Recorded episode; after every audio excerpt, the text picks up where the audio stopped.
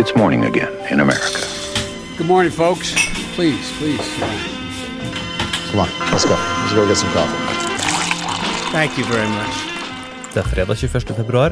Det er én dag igjen til Cokes-valget i Nevada, og morgenkaffen er servert. California er en av de virkelig store delstatene på supertirsdagen den 3. mars, og i en ny meningsmåling fra Monmouth University så er Bernie Sanders en frontrunner.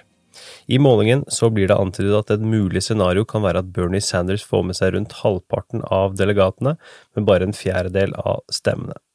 Det får vi komme tilbake til etter supertirsdagen, men det samlede feltet ser iallfall slik ut. Bernie Sanders på 24% Biden på 17 Bloomberg på 13 Warren på 10 Buttigieg på 9 Steyer på 5 Klobuchar på 4 og Gabbard på 2. Ubestemte velgere i denne målingen 13 Quinnipiac er for sin del ute med nye head-to-head-målinger mellom Donald Trump og en rekke ulike demokratiske utfordrere i tre sentrale vippestater. Det er da Wisconsin, Pennsylvania og Michigan. Med andre ord disse tre delstatene som ga Trump seieren over Hillary Clinton i 2016. Meningsmålingen er gjennomført fra 12. til 18. februar, og det man kan si overordna her, er at eh, Trump leder fortsatt over de demokratiske kandidatene i Wisconsin. Pennsylvania favoriserer demokratene, mens Michigan er jevnest av disse tre delstatene. I enkelte av målingene så er det så jevnt mellom Trump og de demokratiske kandidatene at feilmarginen gjør det vanskelig å skille. Men vi kan jo da ta de som ligger best an i hver av disse delstatene. I Wisconsin så er det Biden, Sanders, Bloomberg og Buttigieg som ligger minst bak, om vi kan si det på den måten, bak Trump. Eh, Biden og Sanders 7 eh, poeng bak, Bloomberg og Buttigieg 8% poeng bak. I Pennsylvania så er det Biden som ligger best an, han ligger 8% poeng foran Trump. Klobuchar og Bloomberg ligger også bra an, 7 og 6% poeng foran Trump.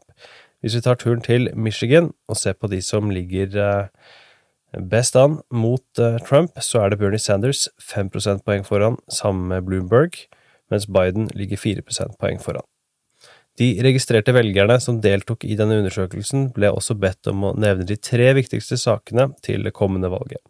Prioriteringene av politiske saker fortoner seg helt likt mellom de tre statene. Økonomien som det viktigste, deretter følger helsepolitikk, mens klimaendringer kommer på tredjeplass. Det har kommet en haug nye støtteerklæringer til en rekke kandidater etter debatten i Las Vegas natt til torsdag norsk tid. På Sanders og Warrens del så handler det om støtteerklæringer fra politiske aktivistgrupper, mens Bloomberg henter ny støtte fra Representantenes hus. Buttigieg får avisstøtte i California. For Warren sin del så er det støtte fra den politiske tenketanken Black to the Future Action Fund, og grunnleggeren av organisasjonen, Alicia Garza, sier i en uttalelse at Warrens analyse av hvordan makt opererer i landet, gjør Massachusetts-senatoren som den best egnede kandidaten til å ta styringen tilbake til grasrota, med fokus på å hjelpe områder med høy andel svarte innbyggere. Engage Pack kaller seg landets største muslimske handlingskomité, og de har da valgt å støtte Bernie Sanders, på bakgrunn av det de beskriver som en inkluderende presidentkampanje. Ifølge M-Gage Pack så har støtteerklæringen til Sanders som formål å motivere muslimske amerikanere til å bruke stemmeretten sin. For Bloomberg sin del så er det tre representanter som støtter ham. Det er Josh Gottheimer fra New Jerseys femte, Nita Lowey fra New Yorks 17. og Pete Aguilar fra Californias 31. distrikt. De kunngjorde alle på torsdag at de støtter Bloomberg i nominasjonskampen, og det er jo da dagen etter en katastrofal debattopptreden. Eh, dette betyr uansett at Bloomberg nå er oppe i 15 støtteerklæringer fra Kongressen, kun slått av Joe Biden, som har tre ganger så mange støtteerklæringer.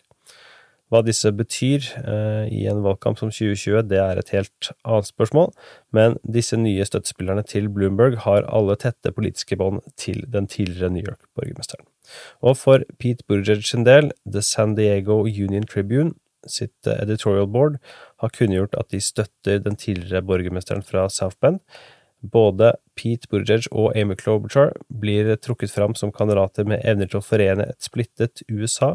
Begge eh, omtales som relativt unge og har ytret ønske om å jobbe tverrpolitisk, men Buttigieg foretrekkes knepen foran Klobuchar i kampen mot Trump med sin militære erfaring og entusiasmen han har generert. Helt til slutt, også dette for Pete Buttigieg sin del, torsdag kveld så kom det noen rapporter om at kampanjen hans begynner å slite med pengene. De har sagt at de trenger å samle inn 13 millioner dollar før supertirsdag den 3. mars for å kunne fortsette å være eh, konkurransedyktige mot de andre kampanjene.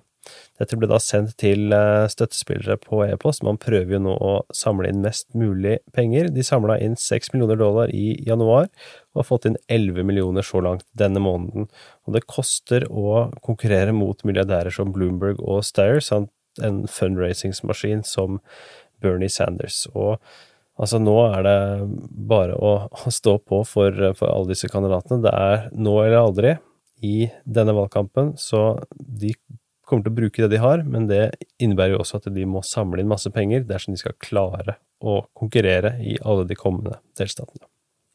Ukas siste utgave av Morgenkaffen er servert av Henrik Skotte og undertegnede Are Togflaten. Dersom du også ønsker å høre lørdagsutgaven, så tar du turen til patron.com ampolen. Støtt oss gjerne med noen få dollar i måneden, så skal du nå få høre daglige valgkampdagbøker fra Henrik Heldal, som tar turen til South Carolina på søndag.